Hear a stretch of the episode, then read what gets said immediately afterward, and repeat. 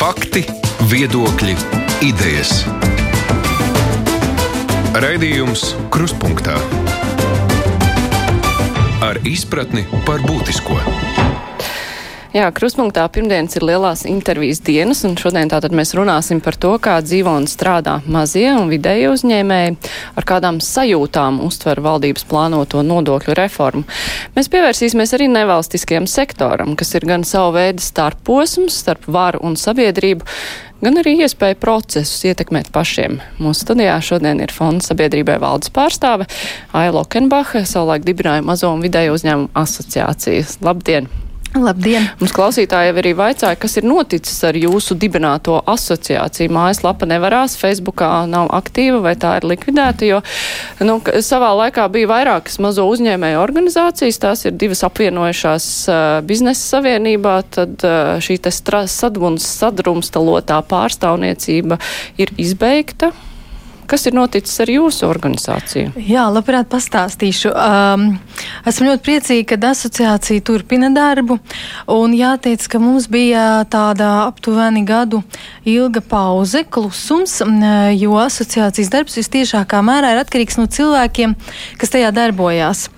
Uh, un um, bija tā, ka iepriekšējā valde, tie aktīvie cilvēki, tas kodols aizgāja citus ceļus, viņam uh, nu, dzīvē ir citas prioritātes, pamainās kaut kas, vairs nevar veltīt laiku asociācijai. Un uh, šis bija tāds nu, tukšuma gads, kamēr uh, savācās jauni, aktīvi cilvēki, kas ir gatavi uh, ņemt šo asociāciju un vest tālāk tautās. Un pašlaik jaunā valde ir uzsākusi darbu, burtiski tikko, tikko. Valdes priekšsēdētāja Agita Šmate.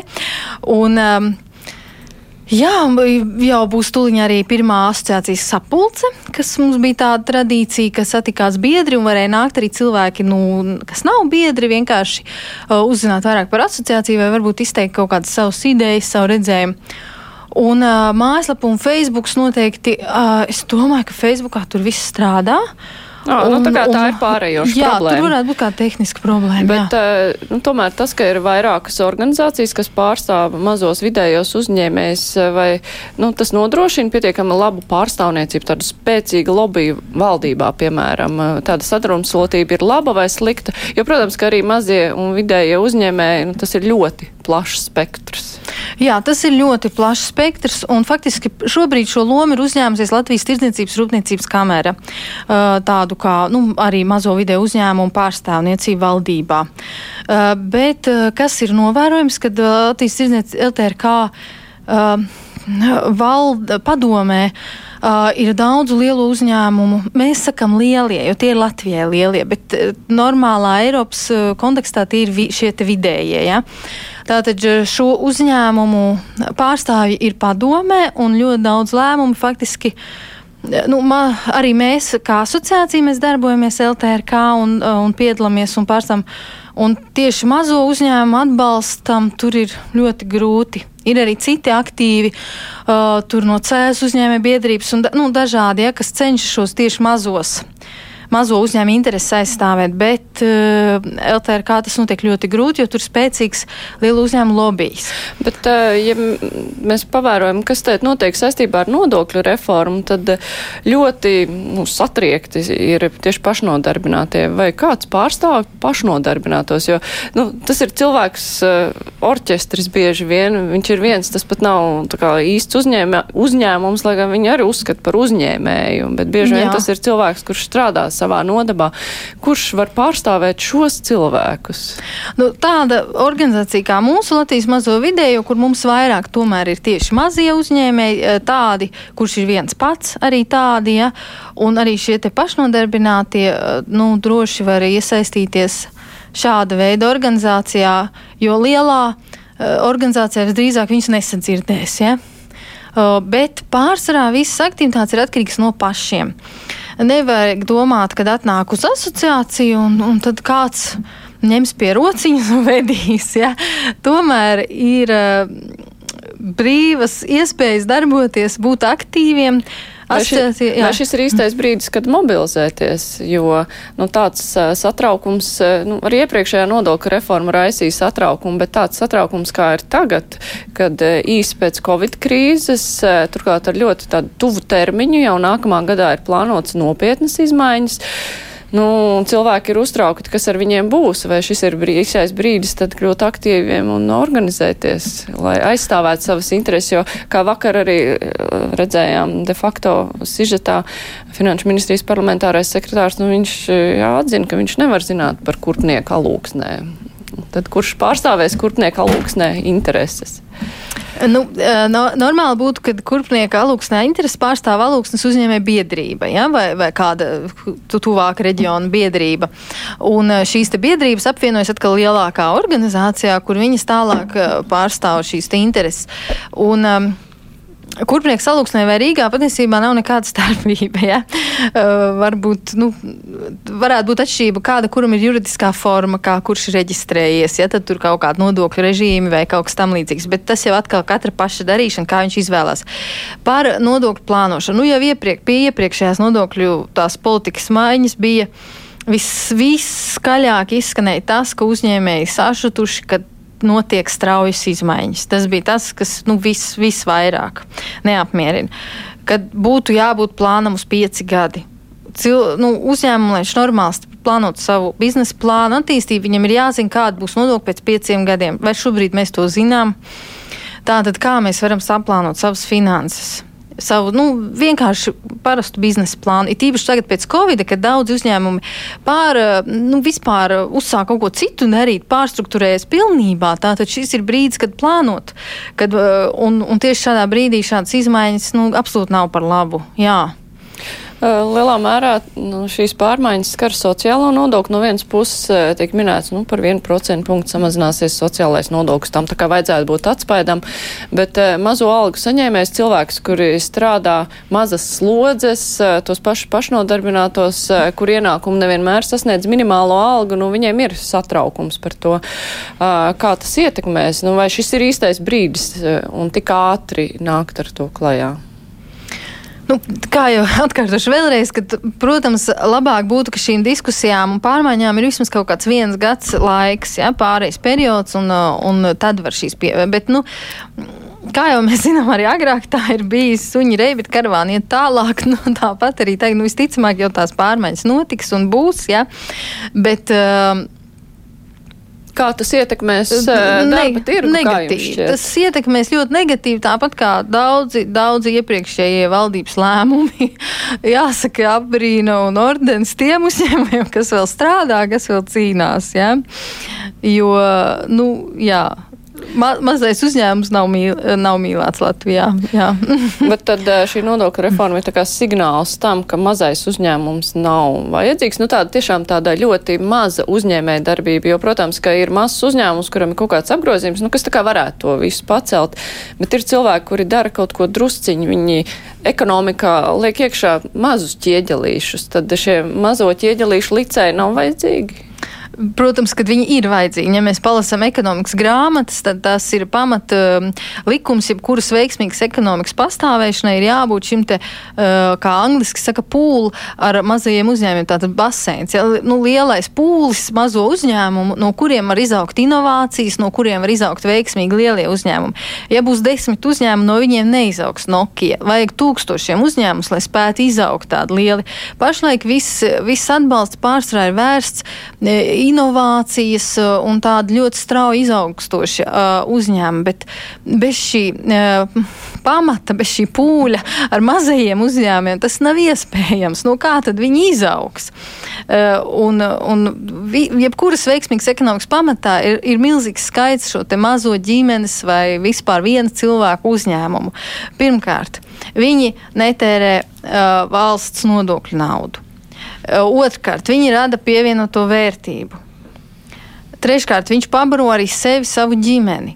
Ja? Uh, tas šķiet varbūt niecīgs ieguvums kādam, bet patiesībā tas ir milzīgs ieguvums valstī kopumā.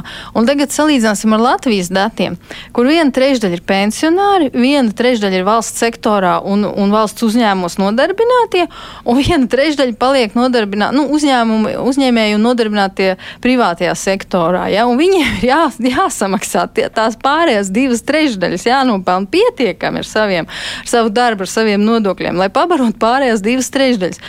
Realitātē, tāpēc arī šie nodokļi ir visu laiku tāds klupšanas akmens, jo valsts nu, no savas puses redz, ka ir par maz ieņēmumu, vajag vairāk, bet uzņēmums saprot, ka viņi jau nespēja vairs dot. Viņi tāpat jau knapi velk dzīvi, ja ir tīpaši tagad pēc visiem covidiem.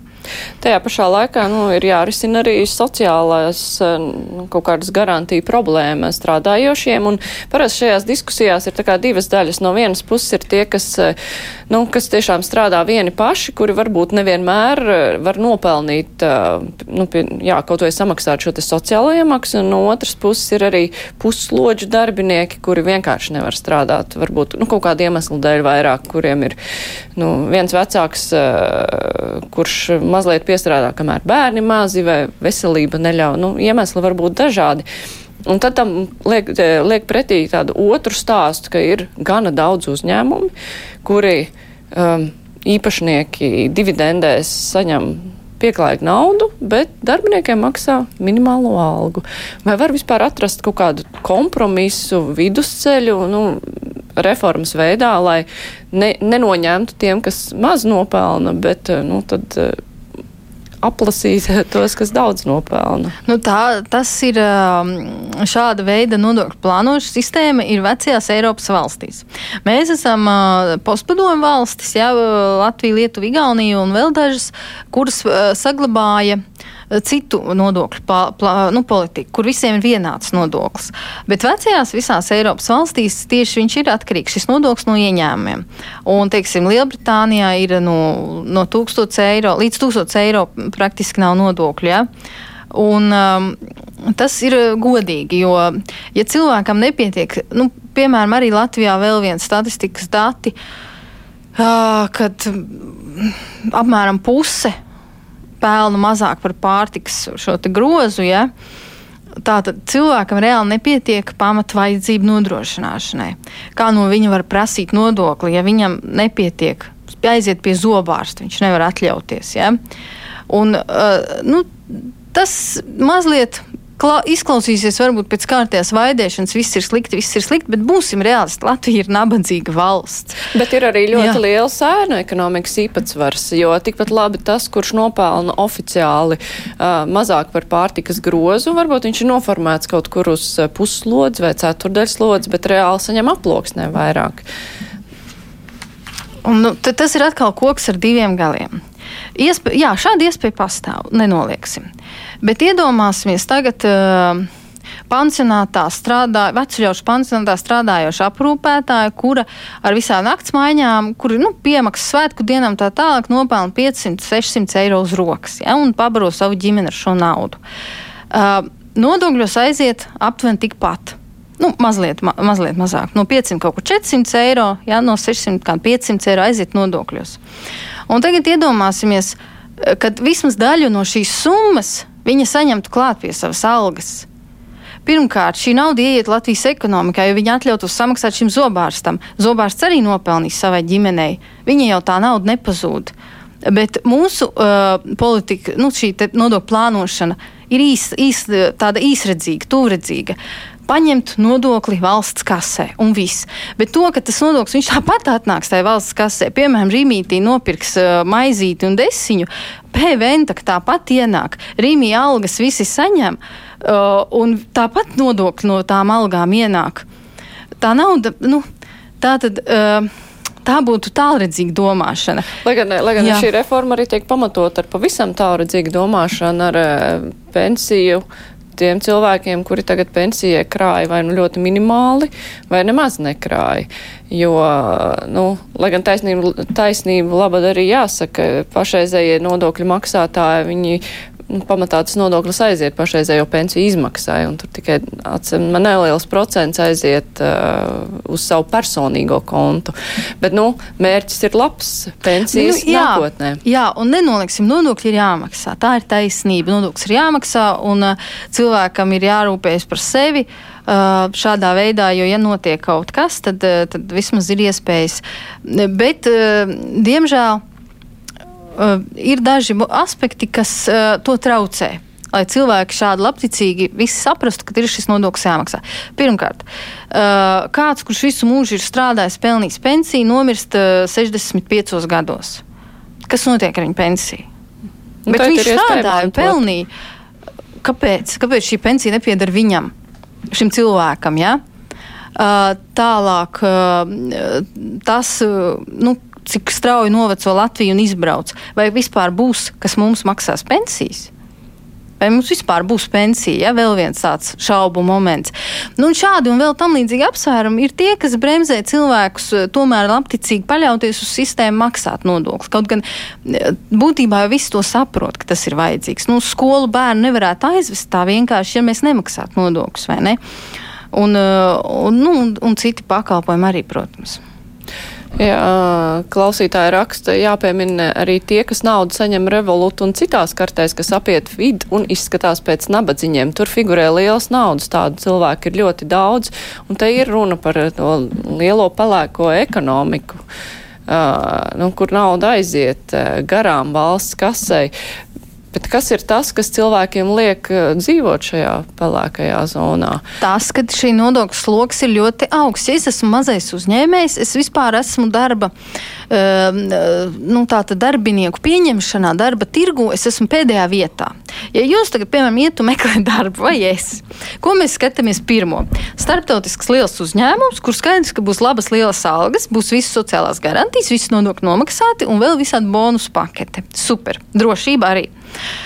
Labi, nesanāca tikt starptautiskajā lielajā uzņēmumā. Meklēšu valsts sektorā, jo vismaz labi nav lielas algas, bet nu, ir drošība, stabilitāte, viss nomaksāts. Nu, un, ja arī tur mani neviens neņem, tad pēdējais ir mazais uzņēmums, vietējais, kurā es iešu. Tieši šo iemeslu dēļ - nedrošība, nestabilitāte, kā tur ar sociālām garantijām un tā tālāk. Tātad, ja es esmu mazais uzņēmums, man jau tā ir grūti izsisties konkurencē, sevi parādīt, salīdzinot ar lielajiem milžiem. Un plus es vēl esmu da kā darba vieta pēdējā vietā vietā, pēdējā, nu, mana reputācija ir pēdējā vieta, kur, kur nāks strādāt. Tātad, kā es varu dabūt konkurētspējīgu darbinieku? Tikai ar algu, tikai pārsolot algu. Vienīgā mana iespēja. Un, es pār, ja, ja es gribu pārsolīt algu, tātad uh, vēlreiz pie pansionāta aprūpētājiem. Ja blakus pansionātā valsts pansionātā maksā 500 eiro uz rokas, man ir jādod vismaz 600 vai nu, 700. Jā. Kā es to varu izdarīt, ja man aug uzreiz nodokļi un cena man ir tāda pati kā konkurentiem?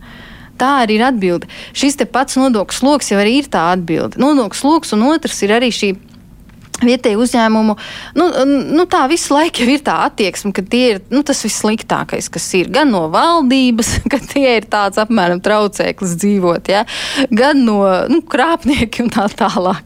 Kaut gan jāteic uzslava valsts ieņēmuma dienestam, jo pēdējā laikā, pē, nezinu, gadu, divi ir ļoti mainījies arī šī attieksme. Nav vairs kā pret visiem, kā pret potenciāliem noziedzniekiem.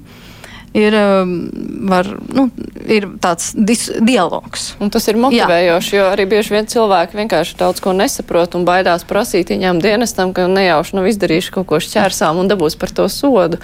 Un, ja ir laba attieksme pretī, tad nu, ir uh, uzreiz cita attieksme no savas puses. Jā. Bet, uh, ja mēs runājam par uh, daudziem nu, dažādajiem nodokļu režīmiem. Ir valstis, eh, kur ir šie dažādie nodokļu režīmi, tiem, kas sāk ir viens un palēnām attīstoties, var pāriet uz citu.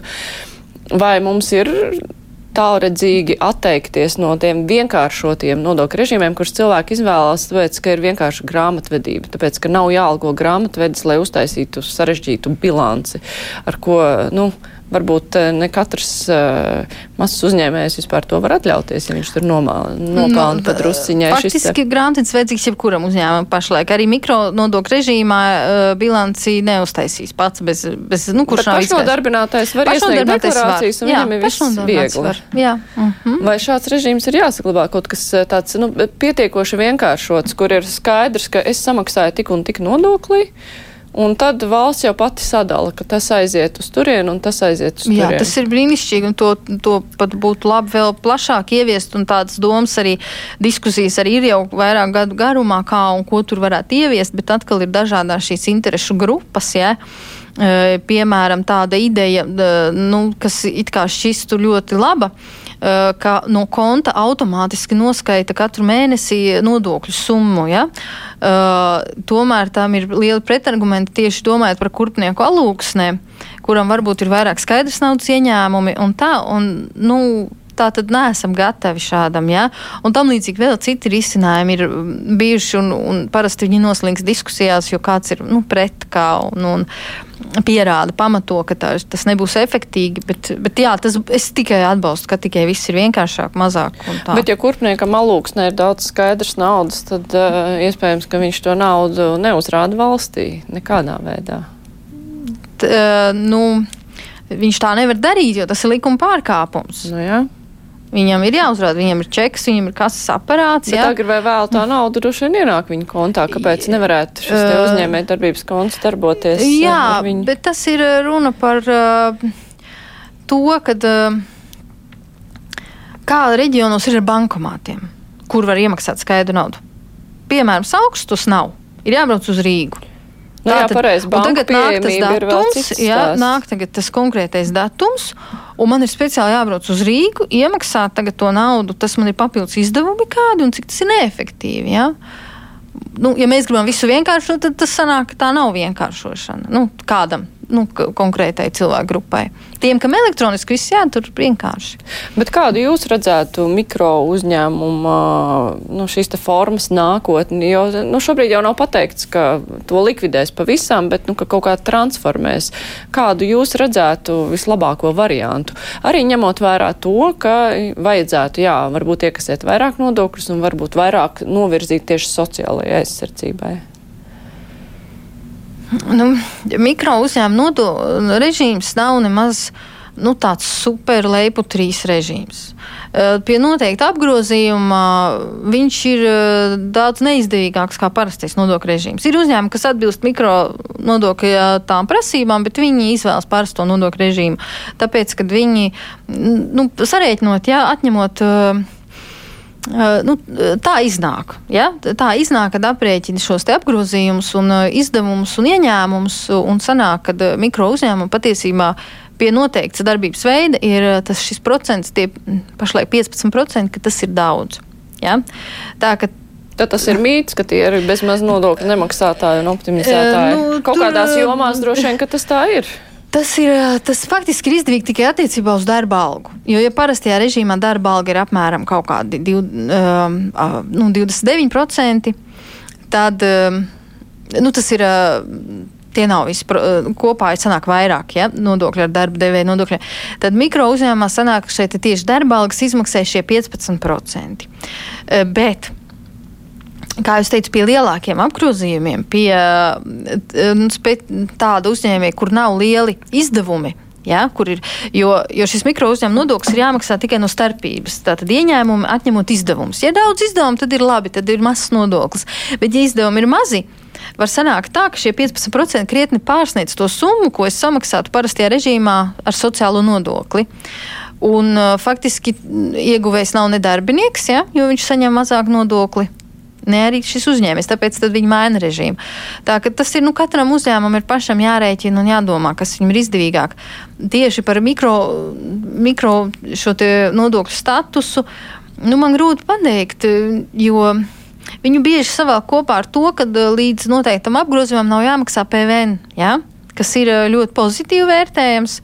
Uh, un faktiski es pat teiktu, ka šis liekas ir par mazu līdz, līdz cik tūkstošu apgrozījumam nav PVN. Bet būtībā tas ir divas dažādas lietas. Tas ir viens atsevišķs regulējums, kas nosaka, ka nav šis PVN, un otrs uh, ir šis mikro uzņēmuma, mikro nodokļa režīms. Nu, ideja jau bija laba. Bet uh, arī nu, Pasaules banka un OECD nu, izkritizēja arī šo modeli mikro nodokļa. Nu, Es domāju, tur ir gan, gan labās puses, gan sliktās šī mikronodokļa. Bet, būsim godīgi, tad, kad viņš parādījās, ļoti daudz iznāca no ēnas. Un tas bija pluss. Jā. Bet, ja mēs paskatāmies uz mūsu mazajiem vidējiem uzņēmumiem, jā, tas ir arī citās valstīs, tas ir liels ekonomikas balsts, bet kāda mēs izskatāmies konkurencē ar citām valstīm, jo tā jau nav, ka šie mazie strādā tikai sev. Cilvēki arī konkurē, un, bet mēs esam konkurētspējīgi, vai mūsu konkurētspēja nav tik liela? Uh, konkurētspēja mums ir viss ok, jo nu, jautājums jau uz kādu tirgu strādā. Kurpnieks alūksnē grūti salīdzināt. Kurpnieku alūksnē ar kurpnieku, teiksim, Somijā kādā pilsētā. Ja? Uh, nu, viņi nekonkurē savā mm. starpā. Bet vairāk konkurēs tādi uzņēmumi, kas arī ir nemazums, kas kaut ko rada tirgo internetu veikalā pa visu pasauli. Ja? Tie varētu nu, konkurēt. Tie, tādā man, ziņā, manuprāt, latvieši ir ļoti konkurētspējīgi, ļoti radoši, eh, ļoti nu, arī tādi kvalitatīvu lietu mīļotāji un rada kvalitatīvas lietas. Līdz ar to arī mūsu cenas ir augstas, ja, ko arī daudz kritizē, ka vietējais produkts ir dārgs. Un tā arī ir. E, bet, ja mēs salīdzinām, protams, Skandināvijas valsts vai citas, tur ir vēl dārgāk šie vietējais ražojums. Uh, un vispār mazi, maziem uzņēmumiem visā Eiropā ir grūti. Ne jau vēl te ir Eiropas finansējums, uh, nu, fondu veidā, ja ļoti daudz programmas ir tieši mazo uzņēmēju atbalstam paredzēts, tās, kas ir e Eiropā. Ja. Bet pie tā ir viegli tikt.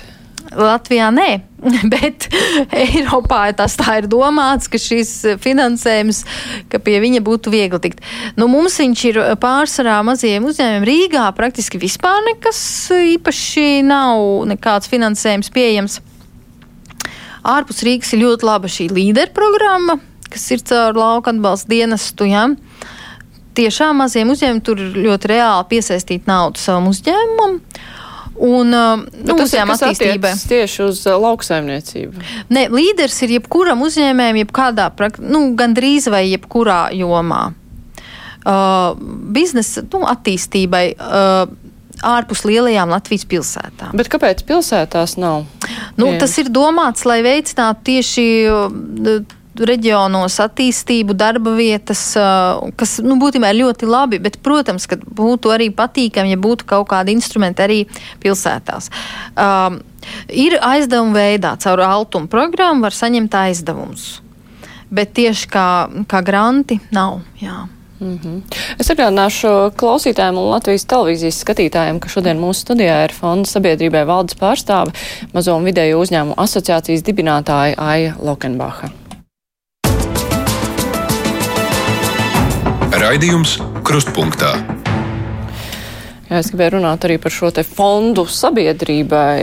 Jums ir kā mērķis minēts šajā fondā sociāli aktīvas, sociāli atbildīgas sabiedrības attīstības veicināšana, rūpes par mazais sargāto sabiedrības daļu. Ko nozīmē sociāli aktīva un atbildīga sabiedrība?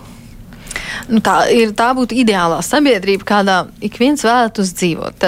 Tas nozīmē tāda sabiedrība, piemēram, ja es izēju no rīta no sava dzīvokļa, daudz dzīvokļu mājā un man kaut kas nepatīk, vai tur bedra ir uz ceļa, vai kaut kas vēl, tad es zinu, kur man griezties, ko man darīt, kā es varu ietekmēt to, tas tiek novērsts. Vai, piemēram, salauzti soliņi, vai bērnu laukums tur kaut kāds izdevums. Ne tikai es zinu, kur griezties, bet arī to daru. Jā, jā, bet parasti jau tā darīšana būtu nu, vieglāk un ātrāk panākama, ja cilvēkiem būtu pirmais ir zināšanas, jā, izpratne zināšanas. Bet tad zināšanas, tad jūs mācat cilvēkiem, kā darīt pasauli labāku, vai kā jūs Kā to būt veicināt? pilsoniski aktīviem? Bet, eh, tā ir tikai vien, viens, viena tāda šķautnīte no fonda darbības. Teiksim, tādi arī ir bijuši projektiņi skolās, kur skolāniem stāst, kā viņi var ietekmēt. Ja? Ko, par ko viņi eh, pirmkārt noskaņo viņus, eh, ka vajag vēlēt iet. Ja? Tas ir viena no pilsoniski aktīvas darbības veidiem, bet tikai viens no. Uh, un tad par nu, šādām, šādām diskusijām un sarunām viņiem pirmkārt mācīt stāstīt, ko un kā var ietekmēt, bet otrs arī ievirzīt uh, to domāšanu, ka tas ir uh, jādara, ka tas vispār būtu normāli tā darīt. Uh, jā, fonds darbojas jau daudzus gadus. Jūs eh, kā sava darba augļus esat redzējuši sabiedrība. Nu, vismaz eh, tā daļa, ar ko jūs esat strādājuši, ir kļuvusi sociāli atbildīgāka. Gribētos tā ticēt. Bet mums pamatā eh, fondam darbība ir. Mēs īstenojam dažādus projektus, gan paši, ko rakstam, gan arī esam partneros ar citiem uh, organizācijām no visas Eiropas. Un pašlaik es gribēju pastāstīt, ja man ir ļauts, par vienu tādu projektu, ko mēs īstenojam. Tas saucās Edibo European Digital Bootcamps. Un projekts ir um, adresēts jauniešiem. Jaunieši šī projekta izpratnē ir līdz uh, 29 gadiem. Jauniešiem, kas nestrādā un nemācās. Uh, tā tad, uh, lai veicinātu jauniešu nodarbinātību, uh, kas arī Eiropā ir diezgan liela problēma, projekta ietvaros paredzēts apmācīt 150 Latvijas jauniešus programmēšanā. Programmēšanas prasmes apgūstam.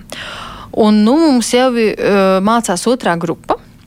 Uh, jaunieši mācās 200 stundas klātienē ļoti intensīvi, apgūst praktiski visas populārākās programmēšanas valodas, un tad viņi dodas praksē.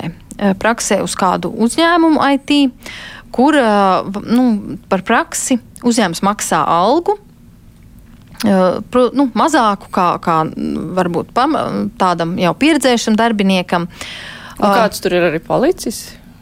Aizķēries Mums tajā- pirmie tikai vēl sāk, jo Ā, pirmā jā. grupa mums beidza uh, jūlijā, augusta sākumā. Viņi beidza mācīties un aizgāja praksē. Jā, vēl tad- visiem vēl arī nav šīs prakses uh, nokārtotas, norganizētas, jo izjūtam arī Covid atstātās sekas IT nozarē. Ko, uh, Kādas kas- tās ir? mm, sarūk, pasūtījumi samazinās, un eh, uzņēmumi, kas tikko vēl gribēja ņemt praksē, pasaka, mēs pašlaik nevaram. Bet nu, tā, eh, nu, arī runājot ar citiem ekspertiem no IT nozares, ka tieši šobrīd ir novērojama krīze. Jā, bet es ļoti ceru, ka IT nozare ir tik fleksibla, ka viņi spēs ātri no šīs krīzes iziet. Un es aicinu ikvienu IT uzņēmumu, kas gribētu uzņemt praktikantu, sazināties ar mani. Fonds sabiedrībai.lv lapā ir kontakti. Un arī vairāk par projektu var uzzināt edibo.lv mājaslapā. Nu, uz turieni arī caur jūsu mājaslapu var iziet, Jā. kā es pamanīju. Bet eh, nu, jūs izvēlēties programmēšanu, jo tā ir tā ļoti perspektīva. Visu laiku tika skandēts, ka tas ir ārkārtīgi perspektīva, bet noteikti ir vēl profesijas, kur arī var eh, kā, pirmkārt iesaistīt jauniešus un savest kopā viņus ar uh, uzņēmējiem, kuriem savukārt ir nepieciešams darba spēks, vai jūs skatīsieties arī kaut kādā citā virzienā, ne tikai IT. Nu, Tas būtu ļoti, ļoti jauki, jā, tā, tādā virzienā attīstīt savu darbību, jo mēs tagad arī to novērojam, cik tas ir svarīgi gan šiem jauniešiem, gan arī uzņēmumiem. Mums arī bija uzņēmums, kas ar prieku paņēma jaunieti, jo viņi saka, mums pēdējo nu, kaut kādu deviņu gadu laikā nav nomainījies neviens darbinieks. Un mēs jūtam, ka mums ir vajadzīgs svaigs asins kolektīvā. Mēs nu, iesūk, iesūnojam, novecojam. Ja? Nu, tā Nu jā, bet tajā pašā laikā šis stāsts, ka pēkšņi izrādās, ka Covid dēļ programmētāju pieprasījums ir apsīts, tas arī, protams, vieš pārdomas. Jā, nu tas tāds, tās ir tagad svaigākās ziņas, ja tiešām uh, pē- pēdējās tādas tendences. Es ļoti ceru, ka viņas arī tikpat ātri pāries, kā sākušās, ja, un, un spēs uh, IT nozari, jo nu, tā jau visperspektīvākā nozara ir.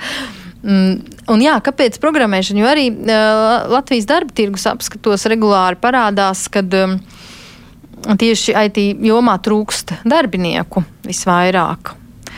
Nu, tā, tādā veidā Bet nu, jūs tad vairāk darbojaties ar jauniešiem, jo sociāli mazais sargātas ir vēl daudzas dažādas sabiedrības grupas. Tie ir gan cilvēki pirms pensijas vecumā, kuriem arī varbūt ir svarīga nodarbinātība, gan arī nu, ģimenes ar vienu, kur viens vecāks tikai audzina bērnus. Tas, tās viss ir sabiedrības daļa, kur arī varbūt ir nepieciešams kāds atbalsts, vai arī jūs tieši uz jauniešiem?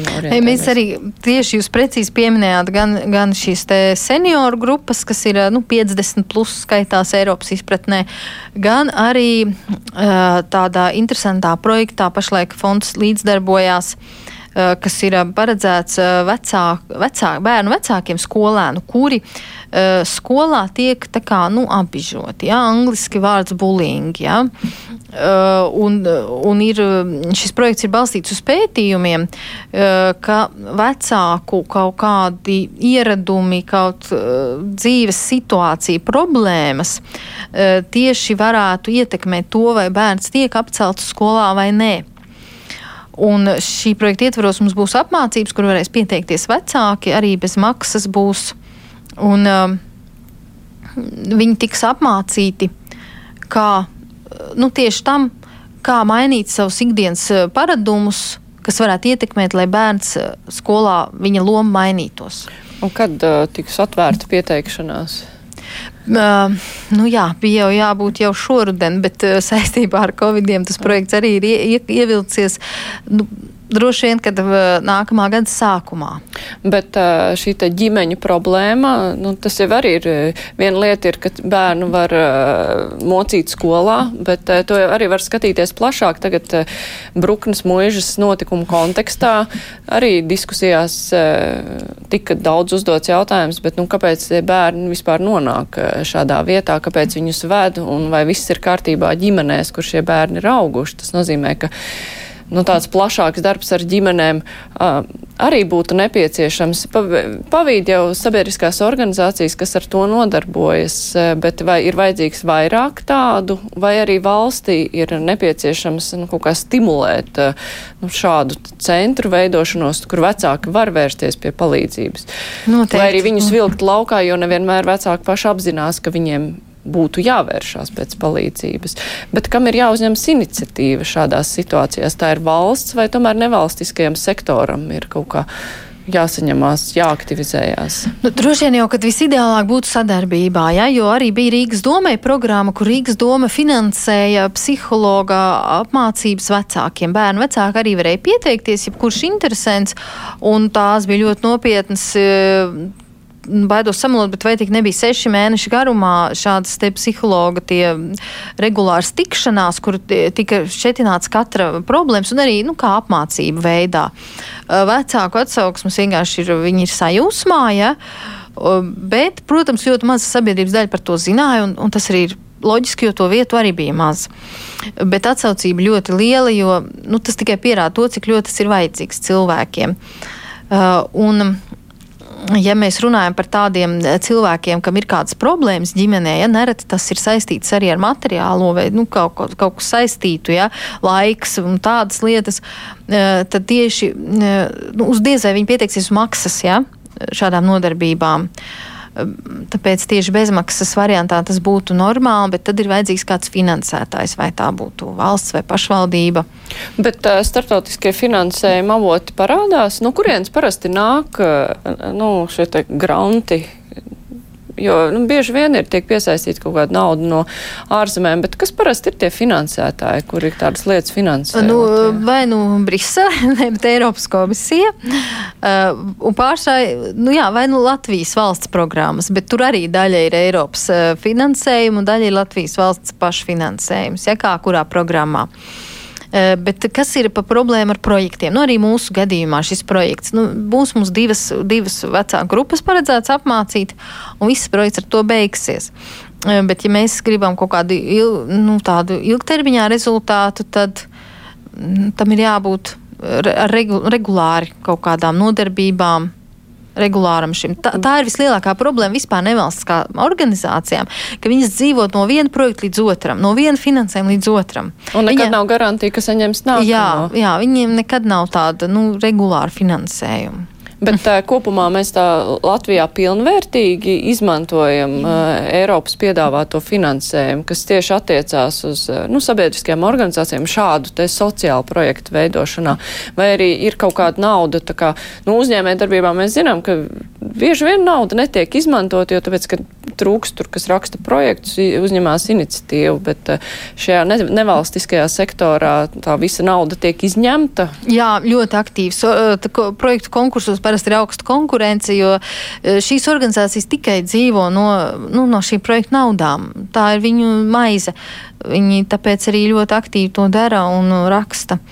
Un, um, ja mēs runājam par uzņēmē darbību, tad um, nereti tā nauda tur, kur paliek pāri, ka šīs programmas vienkārši īsti neatbilst tām uzņēmēju vajadzībām.